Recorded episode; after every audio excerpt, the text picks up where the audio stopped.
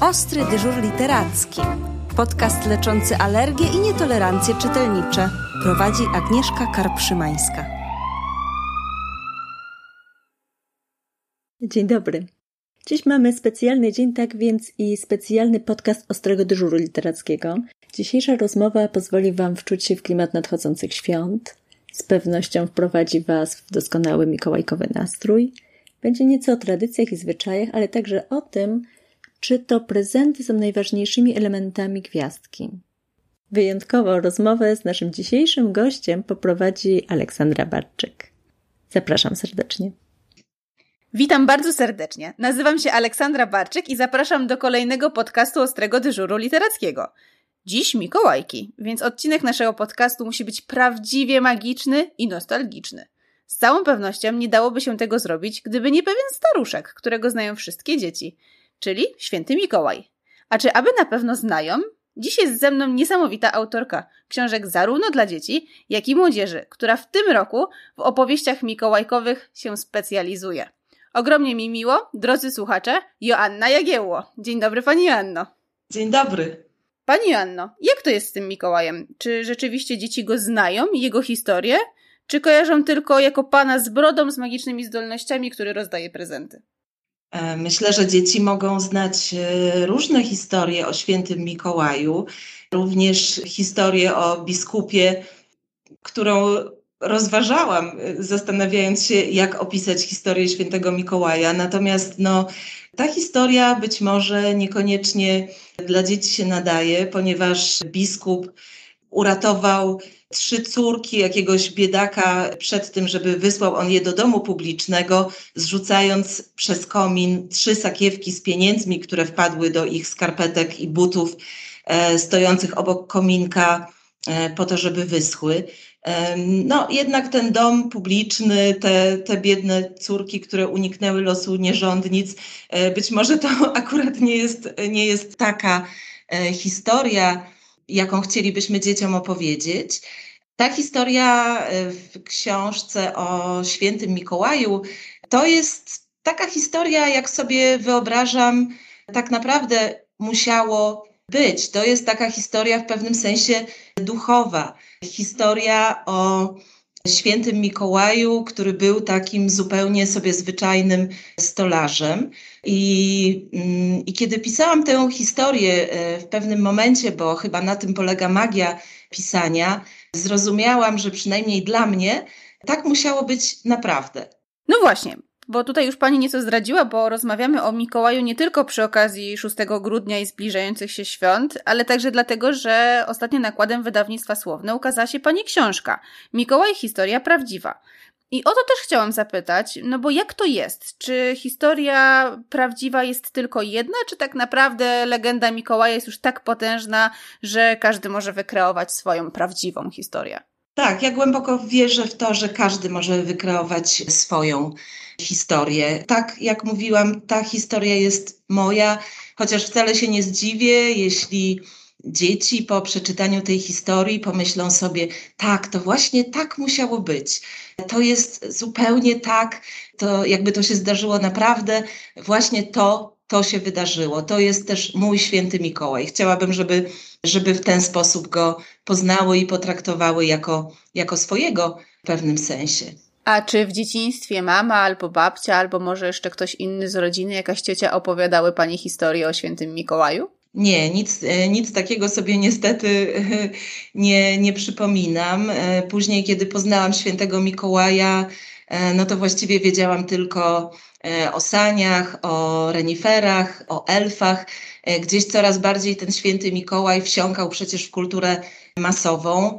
No, i też trudno byłoby wyobrazić sobie świętego Mikołaja bez tych wszystkich atrybutów, które z nim e, kojarzymy, więc one oczywiście też pojawiają się w tej e, książce. Natomiast mnie interesowało, kiedy siadałam do pisania, jaki był początek, jaki mógł być początek, jeżeli oczywiście zapomnimy o biskupie z Miry, bo to przecież też wcale nie musiał być ten prawdziwy Mikołaj, może to właśnie ten mój jest y, prawdziwy. I E, wsiąkając w tę historię w swojej głowie, pomyślałam sobie, że to właśnie tak musiało być naprawdę, że w tym jest całe piękno które wynika z tego, że zupełnie zwykli ludzie nagle chcą sprawić dzieciom przyjemność.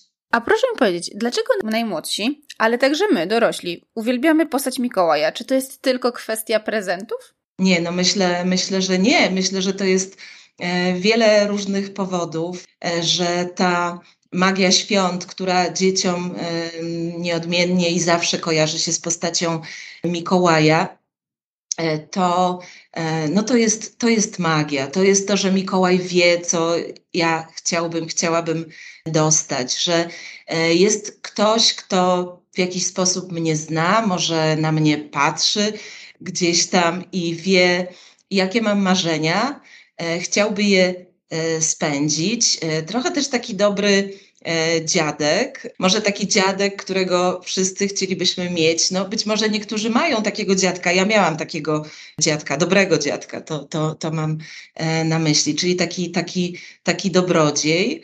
No i oczywiście kochamy też tę historię na pewno ze względu na cały ten klimat Laponii, mrozu, śniegu.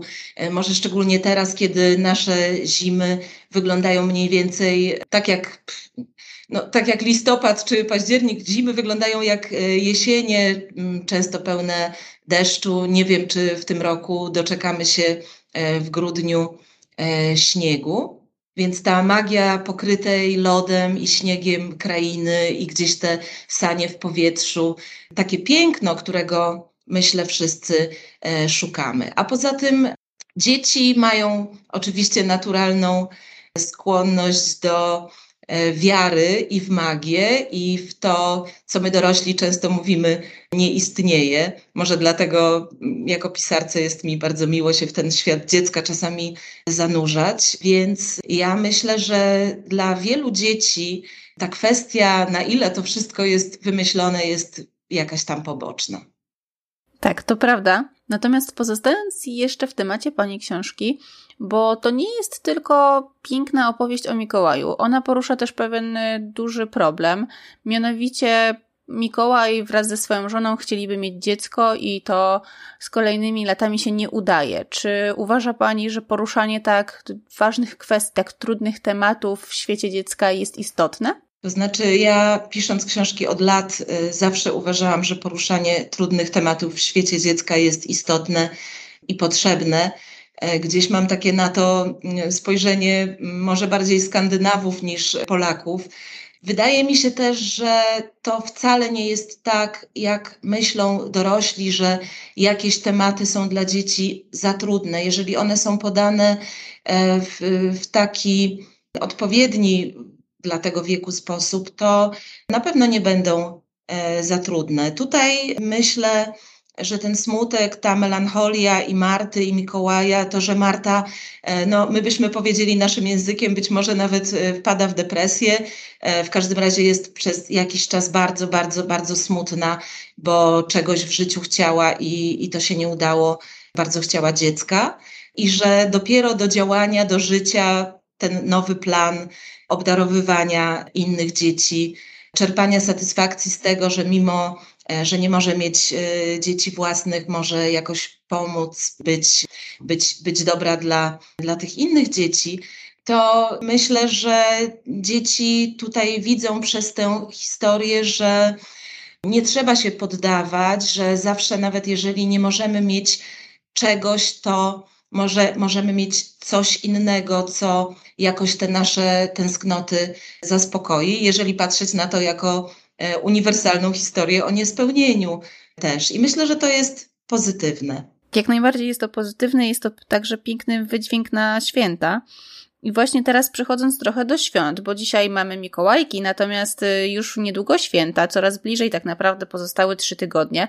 Wszyscy w gotowości. Mm, w księgarniach na półki uginają się od y, książek, które aż proszą o to, żeby je kupić w prezencie. No i właśnie, jest ich taki ogrom.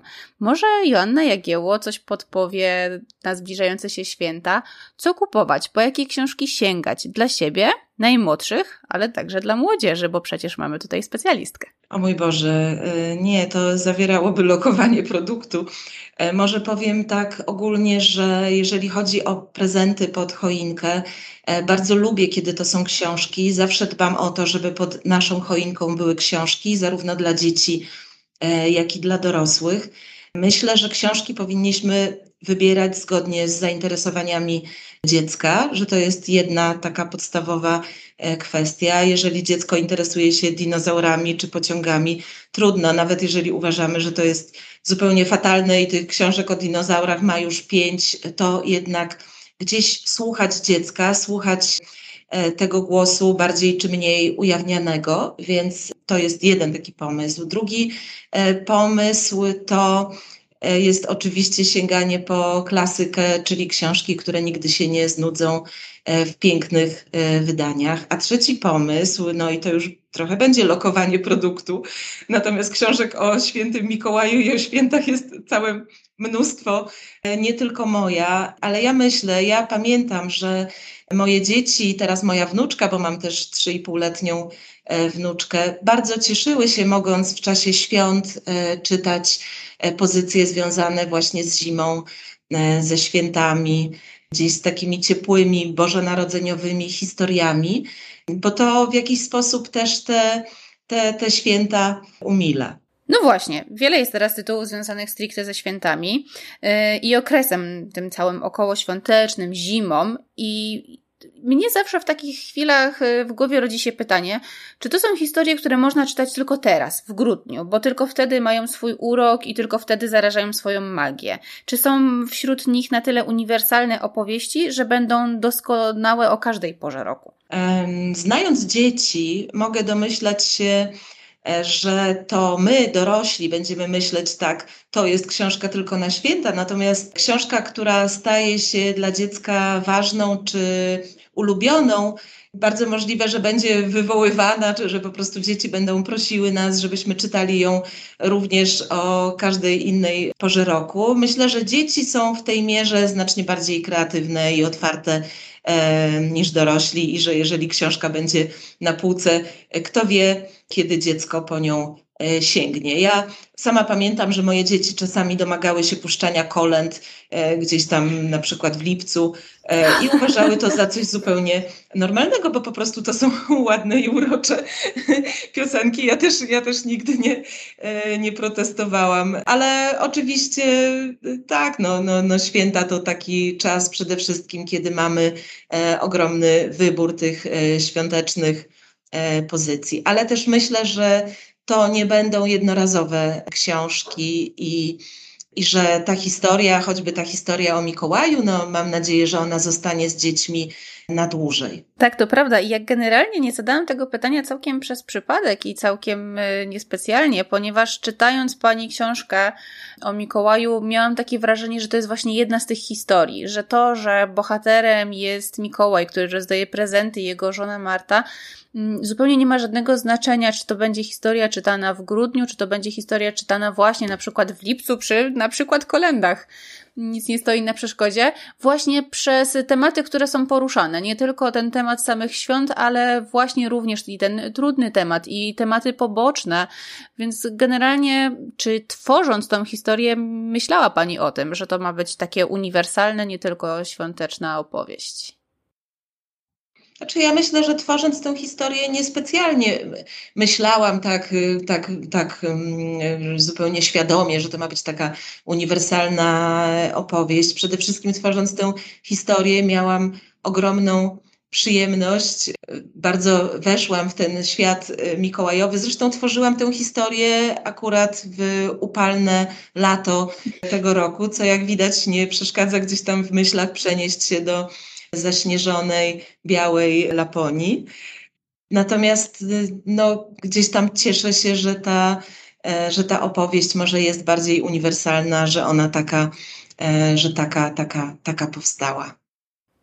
A przenosząc się trochę też w ten świat nostalgii świątecznej, bo nie możemy o nim zapomnieć, zwłaszcza dzisiaj, nie mogę nie zapytać o dwie rzeczy. Pierwsza to, jaka jest ulubiona tradycja świąteczna Joanny Jagieło i właściwie dlaczego? Muszę się chwileczkę zastanowić. Um, ulubiona tradycja e, świąteczna. Lub około świąteczna. U mnie najważniejsze w święta zawsze było to, żeby wszyscy w miarę możliwości byli, e, byli razem. E, podkreślam to może dlatego, że to będą pierwsze święta, których nie spędzę z moją najstarszą córką, bo uparła się, że jednak spędzi je u rodziców jej partnera i nie spędzę ich z moją małą wnuczką, dlatego w te święta wyjeżdżam z moim partnerem e, do Włoch, do przyjaciółki. Pomyślałam sobie, że tego, że tego nie, po prostu nie zniosę. To, e, to jest o tyle ważne, że zawsze w święta u nas nie było aż takie istotne, jakie są te potrawy na stole, tylko było istotne, że dobrze się bawimy. E, zawsze graliśmy w gry, zawsze śpiewaliśmy kolendy na karaoke, czasami okrutnie fałszując. E, ja często grałam na gitarze, bo też trochę gram i śpiewaliśmy różne rzeczy. Czasami śpiewanie kolęd przeradzało się w śpiewanie e, przebojów Abby. E, to też zupełnie nam nie przeszkadzało i, i pewną tradycją było to, że bardzo długo trwały te nasze wigilie, nawet do pierwszej, do drugiej w nocy. Ostatnio to małe dziecko gdzieś tam usnęło już y, po prostu w kąciku, nawet nikt nie zauważył, kiedy, kiedy ona po prostu sobie, sobie poszła i, i, i jak to się mówi, odpadła, a, a, a myśmy dalej po prostu bawili się, gadali. Więc e, myślę, że nie mamy takich jakichś specjalnych tradycji związanych e, z jedzeniem, e, ale tak, to spędzanie świąt razem i że jest jeszcze jedna taka tradycja, z której się zawsze śmiejemy, bo przed każdymi świętami mówimy sobie, słuchajcie, ale w tym roku to niech nie będzie tyle prezentów. Po co tyle prezentów? Naprawdę, w ogóle ograniczmy się jakoś. A może w ogóle tylko dla dziecka, tak? I Później okazuje się, że i tak cała ta choinka jest zasypana prezentami i to są zawsze prezenty różnego rodzaju, czyli no, zarówno jakieś tam wymarzone drobiazgi, e, nigdy telewizor czy telefon komórkowy, nie, nie, nic takiego, znacznie mniejsze e, rzeczy. Zawsze są książki, ale zawsze są też jakieś prezenty zrobione własnoręcznie. Więc też było u mnie w domu tradycją, że dzieci zawsze robiły prezenty. Ja dostawałam własnoręcznie zrobione kalendarze ze zdjęciami, czy jakieś takie różne piękne rzeczy typu naszyjniki z makaronu. No to też była jakaś taka e, tradycja, że nawet kiedy moje dzieci wierzyły jeszcze w Mikołaja, to też wiedziały, rozumiały, że Mikołajowi trzeba pomóc i że na przykład dorośli też muszą dostać jakieś prezenty, więc były te różne piękne laurki, e, malowane własnoręcznie, obrazki i to do tej pory zostało. Nawet moja 17-letnia e, córka potrafi każdemu namalować świąteczny obrazek akwarelką, jakiś śmieszny i, i oprawić i, i na przykład to, e, to podarować. Zawsze pieczemy pierniczki w różnym kształcie. E, to chyba też była tradycja, że wycinaliśmy je sami. Na przykład pamiętam e, najbardziej pierniczek w kształcie wychodka z taką dziurką, serduszkiem. I tak, chyba tego, tego, tego typu rzeczy. Czyli staramy się, żeby to było dużo zabawy. Pamiętam robione z masy solnej anioły. Chyba, chyba tak. To, to, to, to jest taka tradycja. Oczywiście zawsze jest choinka, która jest obwieszona za bardzo i wygląda bardzo, bardzo kiczowato. Ma na sobie mnóstwo e, nie tylko dekoracji, ale też cukierków, pierników i nie wiadomo e, czego jeszcze. I moja córka co roku mówi, mamo, czy mogłybyśmy zrobić jakąś taką choinkę, wiesz, taką elegancką, jakąś może na przykład tylko srebrną. Mówię, mhm. I, I tak nigdy to tak, to tak nie wychodzi. Ja się absolutnie zgadzam. Moim zdaniem choinka z definicji jest kiczowata i ona taka kiczowata właśnie ma być.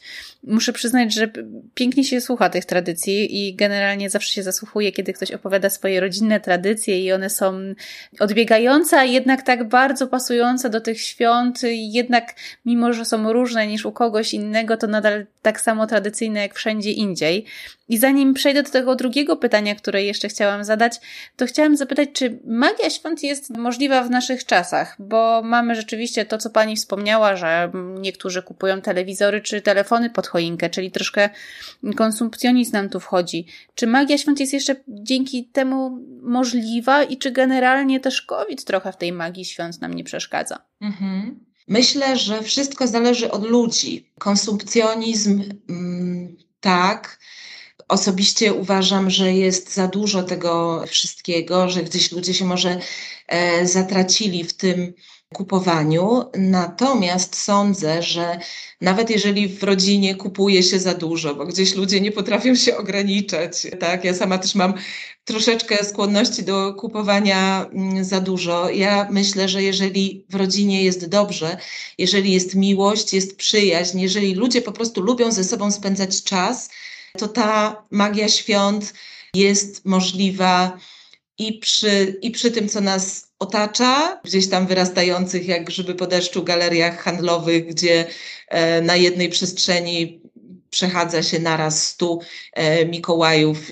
E, no i tak jest i, i, i, i trudno, a, a ludzie noszą te torby i te worki i kupują całe mnóstwo rzeczy, które wcale nie są im do szczęścia potrzebne.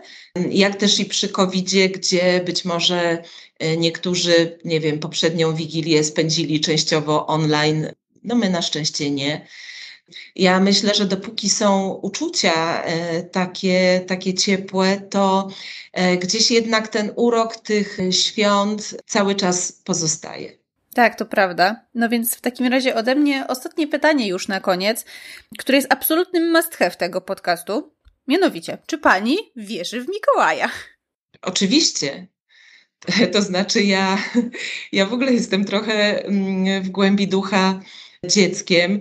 Myślę, że to jest trochę tak, jak mówiła mm, Olga Tokarczuk w swoich, w swoich esejach, e, że ta taka metaksa, czyli ten świat pomiędzy, w który dla dzieci nie ma problemu. Myślę, że pisarze, przynajmniej pisarze, którzy piszą książki dla dzieci, też muszą gdzieś pozostać dziećmi, bo jak moglibyśmy opisywać historię, w którą kompletnie e, nie wierzymy? Czasami się śmieję, pisząc również różne inne książki, gdzie bardzo często bywa, że śnią mi się bohaterowie tych książek, albo gdzieś ich nagle widzę na ulicy i po prostu takich traktuję zupełnie jakby byli prawdziwi. Więc dla mnie ten świat oczywiście jest w dużej mierze e, prawdziwy i cały czas wierzę, że ta historia się w jakimś sensie wydarzyła. Drodzy słuchacze, tym radosnym akcentem zakończymy naszą mikołajkową rozmowę. Ogromnie dziękuję Pani Joanno za ten magiczny czas. Ja też dziękuję ślicznie. Wszystkim życzę cudownych, udanych e, Mikołajek i wspaniałych świąt Bożego Narodzenia. Dbajmy o to, żeby ta magia w nich była, dbając może bardziej o ludzi e, niż o te telewizory opakowane w świąteczny papier, bo to ludzie są ważni, i, i miłość, która, która, która jest pomiędzy nami właśnie nie tylko w święta, ale w święta, w święta oczywiście też. Oczywiście i bardzo dziękuję, a ja ze swojej strony jeszcze dodam, że mam nadzieję, że udało nam się wprowadzić Was już w ten klimat nadchodzących świąt, a ze, i ze swojej strony ogromnie zachęcam do sięgnięcia po świętego Mikołaja historię prawdziwą Pani Joanny. Gwarantuję Wam, że będziecie zachwyceni, a historia ukryta w książce sprawi, że ten grudzień i czas oczekiwania na święta będzie jeszcze wspanialszy. Dziękuję ślicznie. Do usłyszenia.